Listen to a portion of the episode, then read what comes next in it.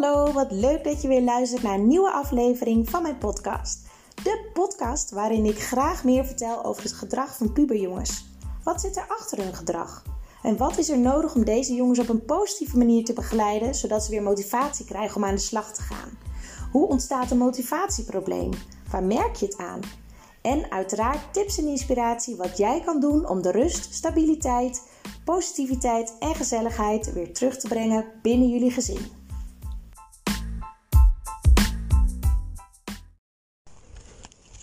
Ja, daar ben ik weer. En het geluid is misschien ietsjes minder goed, want ik ben ondertussen aan het wandelen met mijn hond Benji. En uh, als jullie mij volgen op, uh, op Insta, dan hebben jullie me al een paar keer voorbij zien komen. Of op Facebook. Ik heb een labradoodle. En uh, nou daardoor beweeg je veel meer, kom je veel meer buiten, zie je veel meer van de omgeving. Ik kan daar echt super van genieten. En het zorgt ook voor inspiratie. Want nou ja, jullie hebben allemaal binnenkort vakantie waarschijnlijk als je kinderen hebt. de verschillende regio's hebben natuurlijk op verschillende momenten vakantie. En in de vakantie uh, zie je natuurlijk best wel veel en lang op elkaar lip. Of je naar thuis blijft of uh, weggaat met elkaar. Dus je hebt eigenlijk een beetje. Uh, ja, je hebt meer met elkaar te maken, zeg maar. Een beetje coronatijd, hè. Je bent veel meer bij elkaar. En dat kan natuurlijk positief zijn, want je kan het super gezellig met elkaar maken. Dat is natuurlijk ook het idee van vakantie. Maar er kunnen ook heel makkelijk en snel irritaties en frustraties ontstaan. En schermpjes is een van de meest uh, ja, voorkomende irritatiebron uh, van ouders met name. Want kinderen en pubers die zitten echt vastgekleefd aan hun mobiel over het algemeen. Ook op vakantie, binnen, buitenland, het maakt eigenlijk allemaal niet uit. En daardoor hebben ze veel minder contact met hun ouders. Tot frustratie van de ouders. Ouders zeggen, hebben zoiets van, ja jeetje joh, pak toch gewoon eens een boek. En je kan je daar heel druk op maken. En je kan heel graag uh, het willen sturen uh, wat je kind, je puber, doet in de vakantie. Maar vergeet niet dat het ook hun vakantie is. En ik moet eerlijk zeggen, ik heb er ook wel een, een, een proces in moeten doormaken. Um, want ik had eigenlijk zoiets dat. We hadden eigenlijk altijd de regel, toen ze wat kleiner waren. Op vakantie of weekendjes weg gebruiken we geen mobieltjes. En ja, dan kan je je afvragen, en, ja, en wij als ouders dan? Wij deden het eigenlijk alleen maar s'avonds als de jongens op bed lagen. Dus overdag zaten we ook niet op onze mobiel. En dat was heerlijk, want je kreeg echt veel meer contact met elkaar. De jongens gingen veel meer naar buiten. En toen waren ze natuurlijk geen pubers. Hè? Ik bedoel, de jongste is nog steeds geen puber. De oudste die, eh, die is nu 12. En die begint echt wel uh, uh, al een tijdje hoor, te puberen. Um, en dan kan dat nog. Maar het is ook iets wat er wel bij hoort, hè, die mobieltjes. En de kinderen die kunnen eigenlijk niet eens voorstellen dat toen wij jong waren, ik voel me altijd oud als ik dat vertel, maar toen wij jong waren, dat wij helemaal geen mobieltje hadden. Ja, ik kreeg in mijn puberteit kwam net een mobieltje op. Toen had ik zo'n uh, um, Nokia of zo'n zo'n swing. Ik weet niet eens meer hoe die precies uh, welke ik had. Um, ja, dan was eigenlijk heel erg bizar als je in een bus uh, zo'n zakenman zag bellen met zo'n hele grote mobiele telefoon. En op den duur kwamen, nou ik was nog niet eens puber trouwens. Ik denk dat, dat het veel later was dat die mobieltjes kwamen. Maar in ieder geval, uh, wij kennen het verschil nog tussen het leven met mobiel en zonder mobiel. Onze kinderen zijn daar helemaal niet mee opgegroeid. Hè? Die zijn gewoon opgegroeid met de mobiel en de tablet. Dus die kunnen zich dat helemaal niet voorstellen. En zij zijn ook, uh, dat is eigenlijk, of ja, ze continu in contact met, uh, ja, met hun leeftijdsgenoten, met vrienden, vriendinnen, maar ook gewoon de wereld om hun heen. Hè, een minuut niet op je mobiel kijken kan zomaar betekenen dat je verkering uit is. Dat je een uitnodiging van een leuk feestje hebt gemist. Of weet ik veel wat. Dus een mobiel is veel meer dan alleen maar een telefoontje voor de pubers. En ook voor veel ouders trouwens. Want wij als ouders beseffen ook niet altijd hoeveel we eigenlijk op ons mobiel zitten. Um, dus om even weer terug te komen op de vakantie. ehm, het is belangrijk dat ieder van het gezin een vakantiegevoel heeft. En hoe je dat creëert, is eigenlijk aan jullie. Wij hebben in ieder geval uh, dit jaar voor het eerst, kan ik zeggen, het mobieltje, het gebruik van het mobieltje um, wel beperkt, maar niet helemaal losgelaten. Dat doen wij thuis trouwens ook niet hoor. Thuis hebben we ook uh, kaders waarbinnen ze de mobiel mogen gebruiken. En ook, weet je, uh, ze mogen niet de mobiel mee naar bed, om maar even een ding te zeggen. Ook niet onder het eten. Uh, weet je, s morgens moeten ze eerst helemaal klaar zijn voordat ze naar hun mobieltje grijpen of wat dan ook. Want ze moeten er wel mee leren omgaan met het mobieltje. En dan kan je van alles van vinden dat, dat kinderen al op jonge leeftijd een mobieltje hebben. Um, dat vond ik eerst ook. Maar op den duur dacht ik, ja, weet je, mijn zoon was negen toen hij zijn mobiel kreeg, mijn oudste. En dat is jong. Um, maar je kan ook bedenken, als ze nog zo jong zijn, kan je ze juist nog begeleiden bij het gebruik van hun mobiel. Want als ze eenmaal in de puberteit zitten, heb je heel weinig zicht op wat ze eigenlijk allemaal op hun mobiel doen. En als je ze uh, al jong een mobiel uh, geeft, dan kan je ze bij begeleiden. Zo hebben wij bij de oudste uh, controle-apps bijvoorbeeld. Dus hij kan niet een app invoeren zonder dat wij een melding krijgen van de app. Um, wij zijn ook heel strikt met, met de leeftijd. Hè? Net zoals bij Kijkwijzer bij films.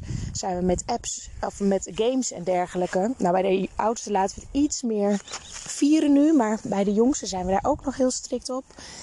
Um, dus daar is nog veel meer controle. Ook in, in groepsapps. Hè? De oudste had dan een groepsapp uh, met de klas.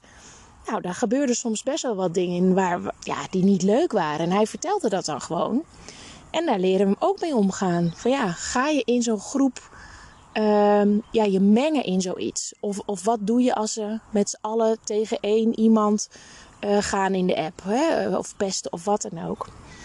En um, ja, soms maak je kind daar fouten in. Dat vinden wij ontzettend moeilijk als ouder. En, en uh, nou ja, daar vinden we van alles van. Maar je kan ook denken, ja, liever dat het nu gebeurt dan dat het straks in de puberteit gebeurt. Want ze laten zich dan veel minder makkelijk uh, ja, sturen, zou ik bijna zeggen. Tuurlijk moet je in de puberteit ook kaders hebben, juist dan. Maar besef dat. Dus heb het er met elkaar over. En uh, ja, dit gaat eigenlijk allemaal veel meer over de mobiel dan over de vakantie. Maar ik was eigenlijk van plan om, eh, om het over de vakantie te hebben. Uh, maar mobieltjes is dus een grote frustratie vaak op vakantie. En, niet alleen op vakantie trouwens, dat is ook gewoon in het dagelijks leven. Uh, vooral van ouders van ja, weet je, huiswerk leidt eronder, de cijfers gaan omlaag. alles alleen maar voor dat mobieltje hoor je heel vaak. Um, maar terug naar de vakantie. Even kijken waar mijn hond is. Ja. Um, terug naar de vakantie. Uh, wat wij bijvoorbeeld nu hebben gedaan, er was uh, Brawl Stars is een spelletje onder andere op een mobiel. En er was gisteren een nieuwe map in Brawl Stars. En de jongens die wilden absoluut niks doen. Terwijl het mooiste dag was qua weer, qua temperatuur en dergelijke. Dus wij wilden gewoon iets leuks gaan doen. Allemaal weerstand, boos en ik ga niet mee. En en ik heb inmiddels geleerd, oké, rustig blijven. Laat de boosheid lekker bij hun. Uh, diep ademhalen. Leg rustig uit wat je bij hun ziet gebeuren. Ik zie dat je boos bent. Ik zie dat je gefrustreerd bent. Daar heb je vast een reden voor. Want het is wel heel duidelijk dat je niet mee wil met ons. Terwijl wij het idee hebben dat het heel leuk is wat we willen gaan doen. Kan je me even helpen wat er nu gebeurt waardoor je zo boos bent? Zodat ik jou ook volg. Want het zit nu alleen maar in jouw hoofd en daardoor begrijp ik het niet. En zei hij, uh, ja, ik wil op mijn mobiel. Op je mobiel. Oké. Ja, Brawl Stars heeft een nieuwe map. Ik zei, oké, dus jij wil heel graag Brawl Stars doen. En wij willen heel graag um, iets leuks doen. Wij willen naar het blote voetenpad. En nou, dat is wel fijn als het dan mooi weer is, want je wordt ook nat en dergelijke. Ik zei, hoe kunnen we dit dan oplossen? Nou, dat ik eventjes nu op mijn mobiel mag, een half uurtje. En daarna dat van jullie. Ik zei oké, okay, deal, doen we dat. En dat hebben we gedaan. Zonder weerstand gingen de mobieltjes daarna uit. Gingen we naar het blote voetenpad. En het was fantastisch. Het was ontzettend gezellig, heel leuk. En dat vonden zij ook. En nou wil ik echt niet zeggen dat het altijd zo makkelijk is om het, om het zo te doen. En, en het verschilt ook per dag, uh, per kind enzovoort. Maar het werkt wel als je kind merkt dat je hem of haar serieus neemt in wat hij of zij voelt en, uh, en, en, wil. En, want dan krijgt diegene ook ruimte. En ze hebben helemaal in de puberteit heel veel moeite ermee als alles wordt opgelegd. dat, dat het allemaal wordt besloten door volwassenen en dat zij eigenlijk helemaal geen invloed hebben. Daar hebben ze moeite mee en krijg je steeds meer weerstand. Dus het is een beetje geven en nemen wat je ze dan bijbrengt. Um, nou ja, dat is eigenlijk een tip. Je kan er ook voor kiezen om het af en toe helemaal los te laten. Als je even helemaal geen zin hebt. Dat gedoe, dat gezeik wou ik al bijna zeggen. Ja, dat is het soms ook gewoon. Of het nou om mobiel gaat of dat ze gewoon niet mee willen. Want dat gebeurt natuurlijk steeds vaker als ze uh, in de puberteit komen. Dat ze niet meer mee willen. Dat is niet alleen in de vakantie zo. Maar dat is ook gewoon zo als, uh, als je naar een verjaardag gaat. Of naar familie. Of een wandeling wil maken of weet ik veel wat. Weet je, ze willen steeds minder vaak mee. En je kan ervoor kiezen om de ene keer het los te laten helemaal. Hè, en de andere keer van ja, weet je, nu ga ik op mijn streep staan. Ik wil gewoon dat het gebeurt. En je kan moeilijk doen, maar we gaan het gewoon doen. Ik weet niet of jullie Benji horen blaffen, maar die ziet in de verte wandelaars en die denkt: hé, hey, wat doen die daar? Die horen daar niet. Dus ik loop even ondertussen naar hem toe. Maar ik zal. Um, uh, ja, dus, dus weet je, het is echt. Het is niet erg als je niet altijd consequent bent. Hè? Je hoort heel vaak, ja, je moet altijd consequent zijn. Maar dat kan niet. Wij zijn ook mensen. Hè? En je kan niet altijd consequent zijn. Als je moe bent, is het sowieso al moeilijker. En Benji, klaar nu. Dan is het sowieso al moeilijker om consequent te zijn. En uh, ja, soms heb je ook gewoon even geen zin in die weerstand. En denk je, zoek het even uit zeg. En dus het is, um, weet je, we zijn mensen. En dat, dat kan je ook gewoon uitleggen aan je kinderen, helemaal aan je pubers. Weet je, ik heb hier even geen zin in. Zoek het uit. Even niet nu. En um, als je het maar uitlegt. Als je maar uitleg geeft over jouw eigen gevoel. Hoe jij iets ziet. Uh, waar je last van hebt, hoe je het graag wil. Uh, en de ander ook uh, invloed heeft. Dus het contact met elkaar en het uitleggen aan elkaar, dat is ontzettend belangrijk. Want daarmee ehm, ja, leren je kinderen, je pubers ook grenzen stellen en uh, bewegen binnen de kaders. Ze gaan, worden ook bewust van wat ze zelf wel willen en niet willen. En ook rekening te houden met een ander alles is een leerproces. En het hele opgroeien is natuurlijk één groot leerproces. Maar net zo goed is het ouderschap uh, een leerproces. Je kan nooit allemaal op één manier opvoeden. Sterker nog, binnen het gezin voed je ook verschillend op. Waar het ene kind bijvoorbeeld uh, veel sneller zich aan de regels en afspraken houdt dan het andere kind, zou je ook verschillend ermee omgaan. En dat is ook wat, waar de kinderen moeite mee hebben. Je hebt in elk gezin uh, heb ik wel van elke uh, jongere die bij mij in de, in de praktijk kwam, heb ik wel voorbij horen komen. Ja, mijn broer of zus mag veel meer. En uh, dat is sowieso heel vaak met dat de tweede meer mag dan de eerste. En dat is logisch, want ja, met de eerste ben je vaak nog wat voorzichtiger. En ben je aan het kijken ja, hoe ver kan gaan. En bij de tweede ben je al makkelijker, omdat hij of met de oudste meegaat. Of ja, weet je, iedereen heeft zijn eigen reden daarvoor. Dus um, nogmaals, het gaat niet zozeer altijd om consequent zijn. Ik heb het dan over, over uh, het mobiel gebruik en, en wel of niet mee moeten of wat dan ook. Maar echt om het communiceren, met elkaar in contact komen. En als er weerstand is, boosheid, emoties, uh, ruzie, wat dan ook. Het belangrijkste is, praat met elkaar in plaats van tegen elkaar. Want als je met elkaar praat, dan luister je naar elkaar. Dan parkeert parkeer je zelf als ouder eerst even je eigen emoties. En je luistert met de volle aandacht naar je puber. En je probeert helemaal uh, alles te bekijken vanuit je puber. Hoe hij het ervaart of zij. Uh, wat hij erbij voelt. Uh, hoe het voor hem is. En ook al vind je daar wat van, ook al begrijp je het niet helemaal, niet oordelen. Gewoon met je volle aandacht luisteren. Dat is belangrijk. Daarna is het jouw beurt en mag jij ook jouw verhaal vertellen. En dan mag je elkaar alleen maar vragen stellen om beter te leren begrijpen. Dus luister ook om te begrijpen en niet om te reageren. Dat zie ik namelijk heel vaak fout gaan tussen uh, ouder en kind. En helemaal in de puberteit. Om de duur is het alleen maar wachten tot je kan reageren op de ander. En dan praat je dus tegen elkaar, niet met elkaar. Um, hè, dus dan krijg je een reactie van: zie je, gaan we weer. Dit bedoel ik nou. Of um, jij luistert ook nooit naar mij. Je snapt mij toch niet. Uh, je schreeuwt nu alweer. Um, nou, weet ik veel. Altijd een reactie op de ander in plaats van vragen en luisteren om te begrijpen. En dat, dat is echt de sleutel. De sleutel van communiceren met je puber onder andere. Luisteren om te begrijpen. En soms moet een puber ook zelf, um, uh, ja, hoe zeg je dat? Ja, onderuit gaan vind ik direct zo negatief klinken. Maar een puber mag ook zijn eigen fouten maken. Hè?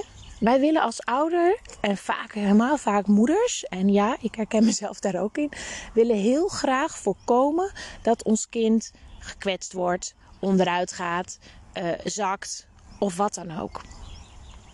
Terwijl kinderen en pubers leren het meest, en wij trouwens als volwassenen ook, leren het meest van onze fouten. Dus als jij als ouder je kind steeds um, helpt, in de zin van uh, curlingouders noemen we dat wel, dus het, de weg glad maken voor je kind, zodat hij vooral geen hobbels tegenkomt, zodat het allemaal makkelijk gaat, dan leer je eigenlijk je kind niet om met teleurstellingen over te, uh, om te gaan. En dat is echt een probleem. Een middelbare school, ja, loopt ze al wel tegenaan. Maar helemaal is echt helemaal de maatschappij gaan zelfstandig uh, worden en zijn. En ze krijgen dus tegenslagen in hun leven. Ze hebben geen idee hoe ze daarmee overweg moeten. Terwijl het ontzettend belangrijk is. Dus als je al ziet dat je kind uh, iets gaat doen, een keuze maakt of wat dan ook waarvan je denkt: dit is niet handig. Je kan altijd vragen stellen om het puberbrein aan te zetten, hè, zodat ze na gaan denken over uh, wat ze gaan doen. Hè, want dat puberbrein denkt niet altijd even ver vooruit. Hè. Die leven heel erg in het hier en nu, de pubers. Dus je kan altijd vragen: oké, hoe had je uh, bedacht om, thuis te komen? Of uh, hoe had je dit bedacht om te regelen? En niet zozeer als overhoring, maar meer om ze aan denken te zetten. Vaak gaan ze dat dan op dat moment bedenken. En als je denkt: oké, dat gaat helemaal mis. Dan, kan je vragen stellen en tuurlijk mag je dingen benoemen. Maar daarna de keuze aan hun. Want dat is ook iets in wat ik, wat ik laatst nog een heel mooi gesprek over had met een, met een jongen in mijn praktijk. Um, die jongen zei: Ja, mijn moeder wil dat ik mijn eigen keuzes maak. Maar als ik dan een eigen keuze maak, dan heeft ze er altijd een oordeel over. Ze zegt: Dat zou je dan nou wel doen? Of dat is toch niet leuk? Of kan je niet beter dit? En die moeder doet het natuurlijk met goede bedoelingen, want die wil gewoon meedenken. Die wil dat haar kind het uh, veel plezier heeft. Maar wat het gevolg hiervan was, is dat die jongen niks meer tegen zijn moeder vertelde. Wat hij dan uiteindelijk voor keuze had gemaakt. En moeders hebben natuurlijk een moedergevoel. Die voelden dat hij niet open was. Dat hij dingen achterhield. Het was helemaal niks belangrijks wat hij achterhield. Want hij hield gewoon achter wat hij ging doen met bijvoorbeeld vrienden. Maar ja, dat weet je dan niet als moeder. Je ziet alleen, hij vertelt niet alles, hij houdt dingen achter. En deze moeder werd bezorgd. En maakte, maakte zich zorgen of het überhaupt goed met haar kind ging. En had steeds meer het idee van ja, ik ken mijn eigen kind helemaal niet meer. Zonder dat ze doorhad dat zij daar uh, zelf uh, uh, invloed op kon hebben. Door te accepteren wat zijn keuzes waren. Zonder oordeel. Dus meedenken mag, maar laat je kind ook zijn eigen keuzes maken. Oké, ik merk dat het eigenlijk twee podcasts in één podcast in één zijn. Ik wou het over de vakantie hebben en toen ging het voornamelijk over de mobiel. En nu kom ik ook nog over het communiceren. Maar goed, uiteindelijk komt het allemaal wel weer bij elkaar terecht. Want dit heeft allemaal ook met de vakantie te maken waar we nu uh, naartoe gaan. En sommigen hebben nu al een, uh, een, weekend vakantie gehad als ik deze podcast opneem. Dus nog even samenvattend. Schermpjes. Um, heb het met je gezin erover. Een gezinsoverleg. Hoe gaan we dit doen? Wat is ieders verwachting van de vakantie? En wat voelt voor jou echt als vakantie? En hoe gaan we om met het mobiel gebruik? Want je wil elkaar de ruimte geven, maar je wil ook niet dat de een gefrustreerd wordt door de ander. Dus benoem het gewoon. En benoem het voordat het een frustratie is. Dus overleg met elkaar overleg hoe je met de schermpjes omgaat als dat een issue is bij jullie in het gezin. Of in ieder geval bij iemand van het gezin. Dat is één. De tweede is als je puber niet mee wil naar iets toe op vakantie. Als hij überhaupt nog meegaat op vakantie. Hoe ga je ermee om? Beslis voor jezelf hoe wil je dat? Wil je dat hij met alles meegaat? Dan wordt dat lastig. Want dan moet hij alles doen wat jij wil. En natuurlijk hangt dit af van de leeftijd. Hè? Of, ze, of ze alleen uh, op de camping of in het huisje of wat dan ook kunnen blijven. Uh, dat weet je zelf als ouder het beste. Maar heb het ook daarover met elkaar. Um, dus de tweede is eigenlijk ook hetzelfde als de eerste. Een gezinsoverleg voordat je iets gaat doen. En, en neem iedereen mee in het overleg. Neem ook iedereen zijn mening en input serieus. Dat het niet allemaal opgelegd wordt door de ouders. Die tijd is eigenlijk voorbij in de puberteit. In de puberteit, tuurlijk ben je als ouder, uh, sta je nog boven je kind. Maar uh, je gaat wel veel meer naast je kind staan uh, op deze momenten om te overleggen. En ehm, de derde is eigenlijk het communiceren. En dat is praat met elkaar in plaats van tegen elkaar. Dus luister om te begrijpen in plaats van luister om te reageren. Probeer echt de kant van de ander te begrijpen. En ga met elkaar erover in gesprek. Parkeer even je emotie, parkeer even je oordeel en geef elkaar ruimte. Dat waren eigenlijk de belangrijkste. Ik hoop dat jullie er weer uit hebben gehaald en ik wens jullie een hele fijne zomervakantie.